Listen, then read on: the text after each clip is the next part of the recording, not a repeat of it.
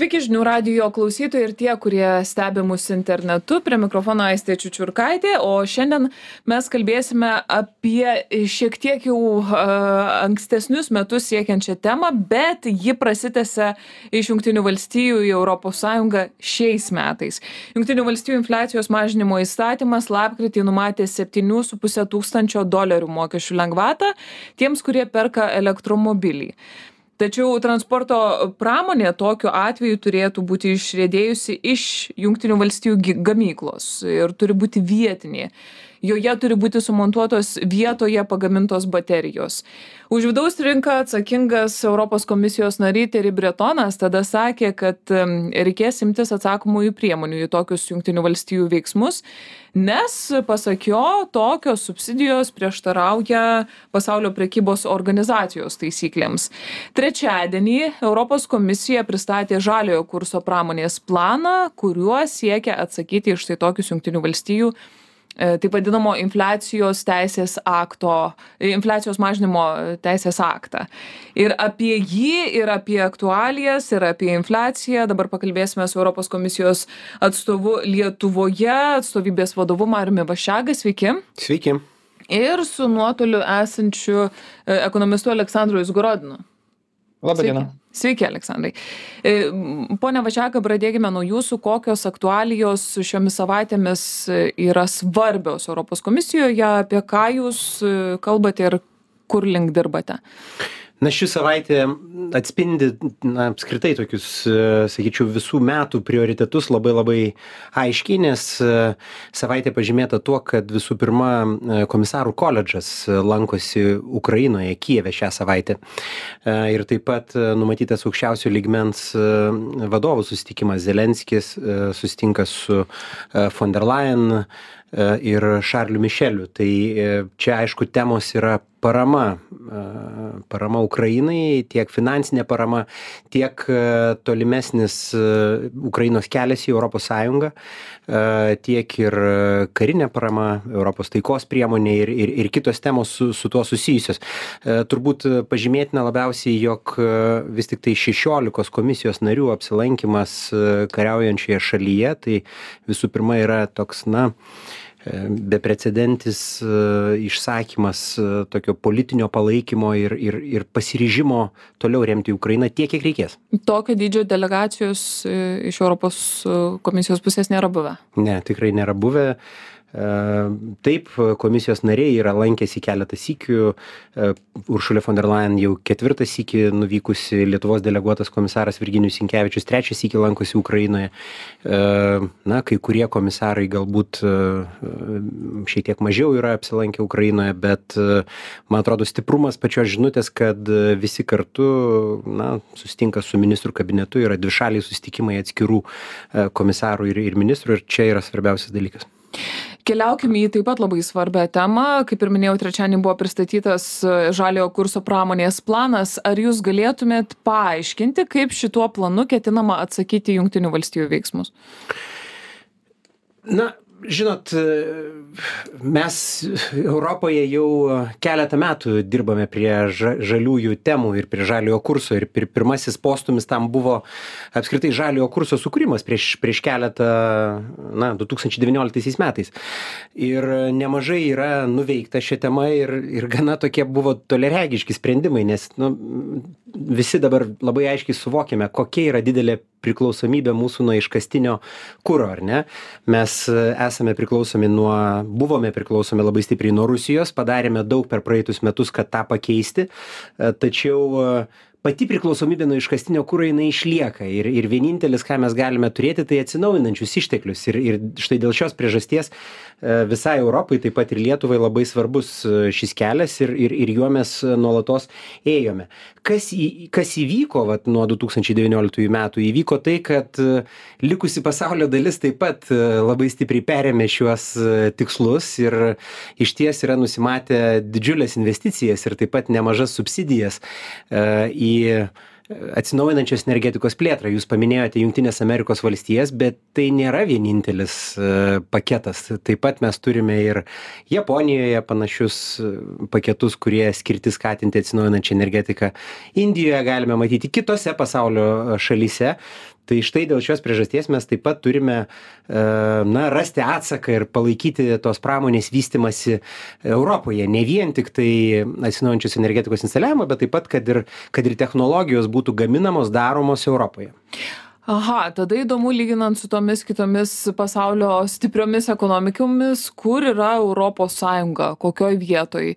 Būtent kalbant apie žaliąjį kursą apie šią pramonės šaką na tai e, sąjunga kadangi pirma pradėjo tai nuo pat pradžių turėjo tokį pirmo pradėjusiojo privalumą, ar ne, išbėgo, tarp kitų bėgikų išbėgo į, į priekį anksčiau, bet faktas, kad dabar mes negalime, na, nereaguoti į tai, kas, kas vyksta kitose šalise. Tai čia štai dėl to ir, ir, ir pateikėme tokį pasiūlymų rinkinį iš ketu, susidedantį iš keturių sudedamųjų dalių tam, kad, tam, kad ir toliau išlaikytumėme savo geras pozicijas pasaulyje.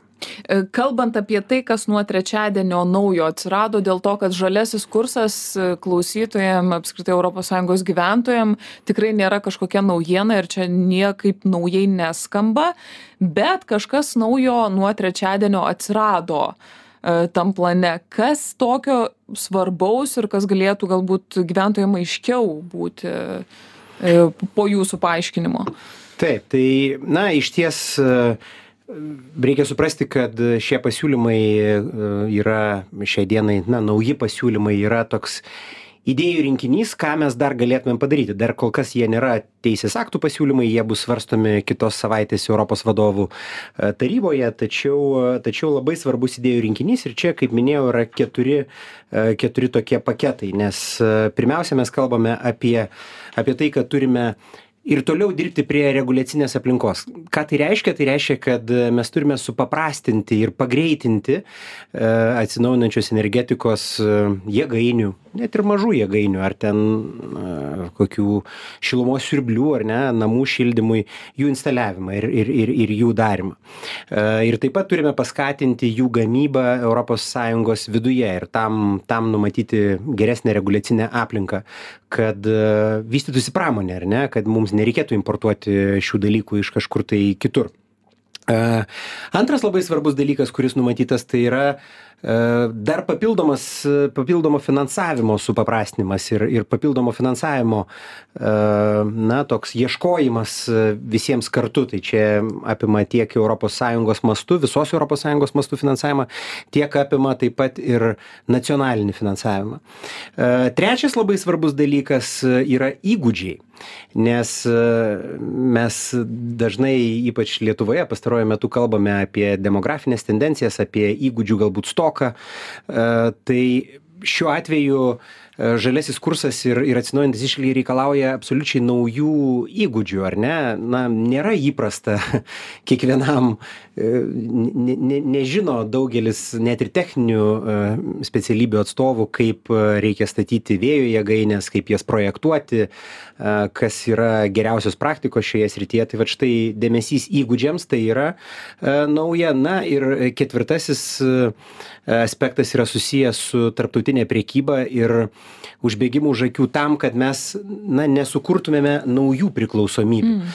Aš kalbu apie kritinės žaliavas, nes tam, kad pagamintumėme vėjo jėgainės, tam, kad pagamintumėme saulio jėgainės, saulės jėgainės, tam reikia išties daug kritinių žaliavų ir čia mes turime turėti pakankamai platų jų tiekimo srautą ir ir ir čia turėtumėm nu nukreipti savo tarptautinės prekybos politiką kad užsitikrintumėme sutartis ir užsitikriname jų tiekimą ne iš kažkokio vieno tiekėjo bet iš daugelio. Iš kur dabar daugiausia atkeliauja žaliavos nes čia yra labai svarbu čia ir su azija susiję reikalai.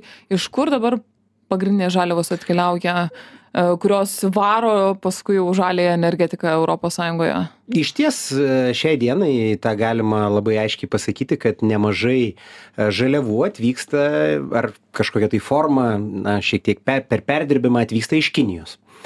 Ir, na, priklausomybė nuo vienos šalies, per didelė priklausomybė nuo vienos šalies yra pavojingas dalykas, mes tą labai aiškiai pamatėme su nafta, su dujomis, tai negalime kartoti panašių dalykų uh, su kritinėmis žaliavomis. Supranta Europa šitą dalyką? Po, labai gerai pasimokė, supranta, nu, labai gerai supranta ir, ir žengia žingsnius. Šiai dienai yra žengiami žingsniai ir kaip tik e, šio trečiadienio pasiūlymai, juose taip pat labai aiškiai vardėjamos, e, ką reikia daryti, kad uh, kad e, apsidrausti, kad neturėti tokių priklausomybių. Kodėl pradžioje paminėjau, papasakojau, šiek tiek priminiau apie Junktinių valstijų teisės aktus ir, ir, ir jų svarbą jų vidaus rinkai ir, aišku, ES taip pat gali atsiliepti, gal ir jau atsiliepia, nežinau, jūs galbūt galėsite daugiau apie tai papasakoti. Dėl to, kad jie tais teisės aktais sudarė sąlygą tokią, kad būtų vidaus gamyba. E, na, šiuo atveju elektromobiliams, ar ne, jeigu tu nori pigiau nusipirkti juos. Kiek svarbus gamybos viduje, tai šiuo atveju, mūsų atveju Sąjungoje aspektas, kalbant apie žalį kursą? Na, Europos Sąjungos e, noras visuomet turėti uh, pakankamai atvirą priekybą. Mes esame iš tikrųjų labai stipriai prekiaujantis blokas ir Lietuva taip pat yra labai stipriai prekiaujantis šalis šiame bloke. E, ir geriausia, aišku, būtų, kad turėtumėme visur vienodas e, taisyklės ir kažkokiu neturėtumėme e, didelių na, kažkokių subsidijų susijusių su būtent toje šalyje, aš čia kalbu apie trečio, apie kitas šalis už ES ribų, kad nebūtų kažkokių tai subsidijų, kurios dirbtinai kvieštų pas save, na, pramonės sritis tai štai dėl to dialogas su jungtinėmis amerikos valstijomis e, jau vyko kuris laikas ir išties buvo pasiekta ir visai neblogų rezultatų, nes e, dalis tų subsidijų, kurios, na, kažkaip tai pririštų ar ne gamybą prie Junktinių Amerikos valstijų, e, pavyko pasiekti, kad dalis jų buvo, na, panaikintos arba padarytos tokios, e, kur galėtum lygiai taip pat galėtų konkuruoti ir, ir europietiška gamyba. Kita dalis, jei išlikusi diskusijos su JAV vis dar tęsiasi, tai yra vis tiktai iš iš europos sąjungos pusės geriausias būtų išlaikyti na rezultatas išlaikyti visiems e, vienodas sąlygas visiems gamintojams e, tai čia toks būtų geriausias bet e, jeigu jeigu vis tiktai kažkaip tai taip nesigauna nu tai tada mhm. turime atsaką iš savo pusės o kodėl turėtų pavyzdžiui jungtinės valstijos irgi sutikti su tuo pasiūlymu europos sąjungos kuris naudingas europos sąjungai išlaikyti vienodas sąlygas gamintojams jeigu jie gali patys sau pasigaminti? Na e, sąjungoje ir ir apskritai laisvosios prekybos e, tokiuose na supratime e, kaip taisyklė nėra tokio subsidijavimo ar ne vid vidinei gamybai. Tuo ir pagrįstos atviros prekybos grandinės atviros tiekimo grandinės tai tas tas kaip ir padeda prekybai ar ne? Ir ir ir ir prekyba visuomet buvo ekonomikos variklis daugelį metų. Viso pasaulio ekonomikos variklis taip kad jo išlaikymas kiek įmanoma na tokio tokio kokio jis buvo tai būtų turbūt visiems labai naudingas aleksandro izgorodino paklauskime apie infliacijos aktualijas jungtinėse valstijose. Pirmiausia nes čia irgi girdėjome naujieną kad e, jungtinėse valstijose centrinis bankas jungtinių valstijų vėl pakėlė palūkanų normas. Na nors jau iki tol skaičiau, kad jau gal jau ir nekels, galbūt bent jau tempą mažins. Tempo mažinimas buvo, bet vis dėlto nuspręsta dar 25 šimtosiomis pakelti palūkanų normas. Kokia situacija su infliacija ir centrinio banko sprendimais Junktinėse valstijose? Na, matosi labai akivaizdus infliacijos e, sulėtėjimas. Tai gruodžio mėnesį mes jau turėjome tik 6,5 procentų infliaciją, amerikoje pikas pas juos buvo devyni kablelis vienas procentas ir jau keletą mėnesių iš eilės infliacija amerikoje labai lėtėja. Ir vakar e, jav centrinio banko vadovas kalbėdamas apie infliaciją jis taip pat pabrėžė kad jis mato keliuose segmentuose ypatingai prekių segmente akivaizdžius požymius kad e, infliacija pradėjo lėtėti. Tai suma sumarum dinamika tenais yra gera aišku tai ne tik yra tas infliacijos sulėtėjimas yra ne tik susijęs su tuo kad centrinis bankas agresyviai kelia palūkanas nes reikia pripažinti kad e, tiek europoje tiek jav iš dalies infliacijos augimą lėmė COVID aspektai, ypatingai tos sutrikusios tiekimo grandinės, tai vienas iš momentų, dėl ko lėtė infliacija JAF, aišku, yra palūkanų didinimas, nes jie šiek tiek visina ekonomiką ir vidaus paklausą. Iš kitos pusės yra ir natūralus lėtėjimas, nes pasibaigus COVID pandemijai tiesiog nebėra tų tiekimo grandinių problemų, kurias mes matėme, tarkime, tarp praeitais metais. Kokia situacija ES ir Lietuvoje? Čia situacija yra šiek tiek sunkesnė, nes e, vakar e, Eurostatas paskelbė sausio mėnesį iš ankstinę infliaciją eurozonoje ir ten situacija yra labai nevienareišmiška. Iš techniškai žiūrint, infliacija tikrai eurozonoje lėtėja, tarkime, gruodį buvo 9,2 procento, sausio 8,5, bet atmetus energetiką ir maistą mes netgi matome infliacijos tempų paspartėjimą. Mm tai kol kas e, teigti kad infliacija europoje euro zonoje jau pasiekė piką galbūt būtų truputėlį per anksti ir aš manau kad europa turi dar ir nemažai rizikų. Ir ta rizika yra susijusi su kinija nes e, kinijos makro rodikliai jau sausio mėnesį rodė kad kinijos paslaugų sektorius po kovido pandemijos sugrįžo į augimo teritoriją kas reiškia kad kažkada pavasarį dėl to gali pradėti kilti žaliavų kainos ir labai realu kad pirmą šių metų ketvirtį mes euro zonoje matysime stabiliai aukštą infliaciją, atitinkamai matysime ir labai agresyvų Europos centrinį banką. Pone Vašega, čia labai įdomu, ką Aleksandras pasakė dėl Kinijos ir žaliavų. Jūs minėjote, kad vis dėlto Kinija yra vienas kol kas svarbiausių tiekėjų ES, kalbant apie žalį e, kursą. Ar galėtumėte pasakyti konkrečių pavyzdžių, kas yra daroma, kad būtų išskirstytos, išskirstyti tiekėjai reikalingų žaliavų?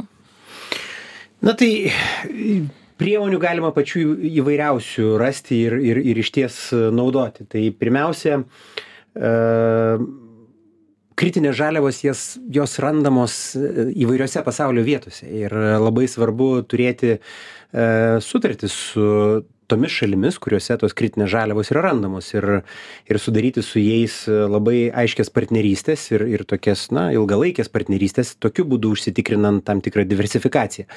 Šiai dienai mes turime dujų tiekimą iš norvegijos iš absoliučiai daugelio kitų pasaulio vietų. Čia aš kaip pavyzdį duodu privedu prie prie dujų ar ne? Kaip kaip mes pasiekėme diversifikaciją. Tai panaši situacija su žaliavomis tiktai čia jau galime na į priekį žiūrėdami labai stipriai į priekį žiūrėdami galvoti kaip kaip mums turėti rimtas partnerystes su tomis šalimis. Na o rimtos partnerystės jau tad tuomet išsiveda į į daugelį kitų dalykų. Gali galvoti apie na kažkokius tokius žaliavų vadinamuosius klubus kur tu įmones surenki į vieną į tokius aljansus ir ir ir panašius dalykus. Tiesą sakant europos komisijos šiuo metu yra kaip tik ruošiamas kritinių žaliavų teisėkūros pasiūlymas kuris pasirodys e, šiaip jau visiškai netrukus e, ir ir bus galima jau tada detaliai aptarti jame esančius e, dalykus ir ir jame pasiūlytas priemones neabejoju kad jis tikrai mums padės užsitikrinti kad ateityje mes tokių priklausomybių neišsivystytumėm. Mm, kalbant dar trumpai apie kai kai kuriuos elementus reikalingus pavyzdžiui baterijų gamyboje lietuvos ir taivano santykis. Ar ji ar į jį ir ir būtent verslo santykius su tai taivanu. Ar jį atkreipia dėmesį europos komisija aš manau kad bet koks pramonės paskatinimas yra na labai teigiamas situacijoje santykiuose su taivanu ir paskutiniuose pranešimuose man atrodo ten daugiausiai buvo akcentuojami lustai. Ir ir ir lustai išties labai svarbi tema. Ji taip pat svarbi ir ir žaliajai transformacijai. Bet čia jau platesnis toks dalykas ar ne? Lustai ir ir tiesą sakant sąjungos mastu buvo priimtas prieš gerus metus lustų aktas nes akivaizdu kad trūkumas lustų ir ir koncentracija atskirose valstybėse vėlgi e, vienas iš matomų dalykų buvo tam kad paskatinti lustų gamybą europos sąjungos viduje. Tai lustai labai svarbus dalykas. Taip čia ursula von der leyen kiekvienoje savo metinėje kalboje mini e, šį dalyką ir kiek tai yra svarbu. Aleksandrai dar jūsų noriu paklausti apie pramonę europos sąjungoje. Kokia e, pramonės situacija? Nes mum labai svarbu ypač didieji žaidėjai pavyzdžiui vokietija stipriai gerėjanti. IFO institutas, kuris atlieka reguliariai Vokietijos verslo nuotaikų tyrimus, rodo, kad Vokietijos pramonės nuotaikos dėl verslo perspektyvų sausį pasiekė 8 mėnesių aukštumas ir aš taip atsargiai darau išvadą, kad tai yra susiję ir su tuo, kad atsigauna Kinijos ekonomika ir Vokietijos įmonės numato paklausos augimo Vokietijoje ir su tuo, kad dujų kaina Europoje šiuo metu yra šešis kartus mažesnė negu rūpiutį, kai jinai pasiekė savo piką. Aš taip atsargiai spėju, kad kadangi dujų kaina lieka žemame lygyje, mes visai netrukus matysime tokį laipsnišką energijai imlių eurozonos ir Vokietijos pramonės sektorių atsigavimą ir gamybos atnaujinimą. Tai manau, kad perspektyvos, kalbant apie pramonės sektorių ir tos realius rodiklius, yra geros ir pramonė tiek Lietuvoje, tiek Eurozonoje pirmą šių metų ketvirtį nustebins ne neigiamai, kaip labai buvo daug kalbama, bet teigiamai. Ačiū Jums už komentarus, už įžvalgas. Kalbėjome su e, nuotolyje esančiu ekonomistu Aleksandru Izgorodinu ir čia studijoje esančiu Europos komisijos atstovybės Lietuvoje vadovu Mariumi Vaščiaga. Ačiū klausytojai, kad klausėte arba žiūrėjote. Iki.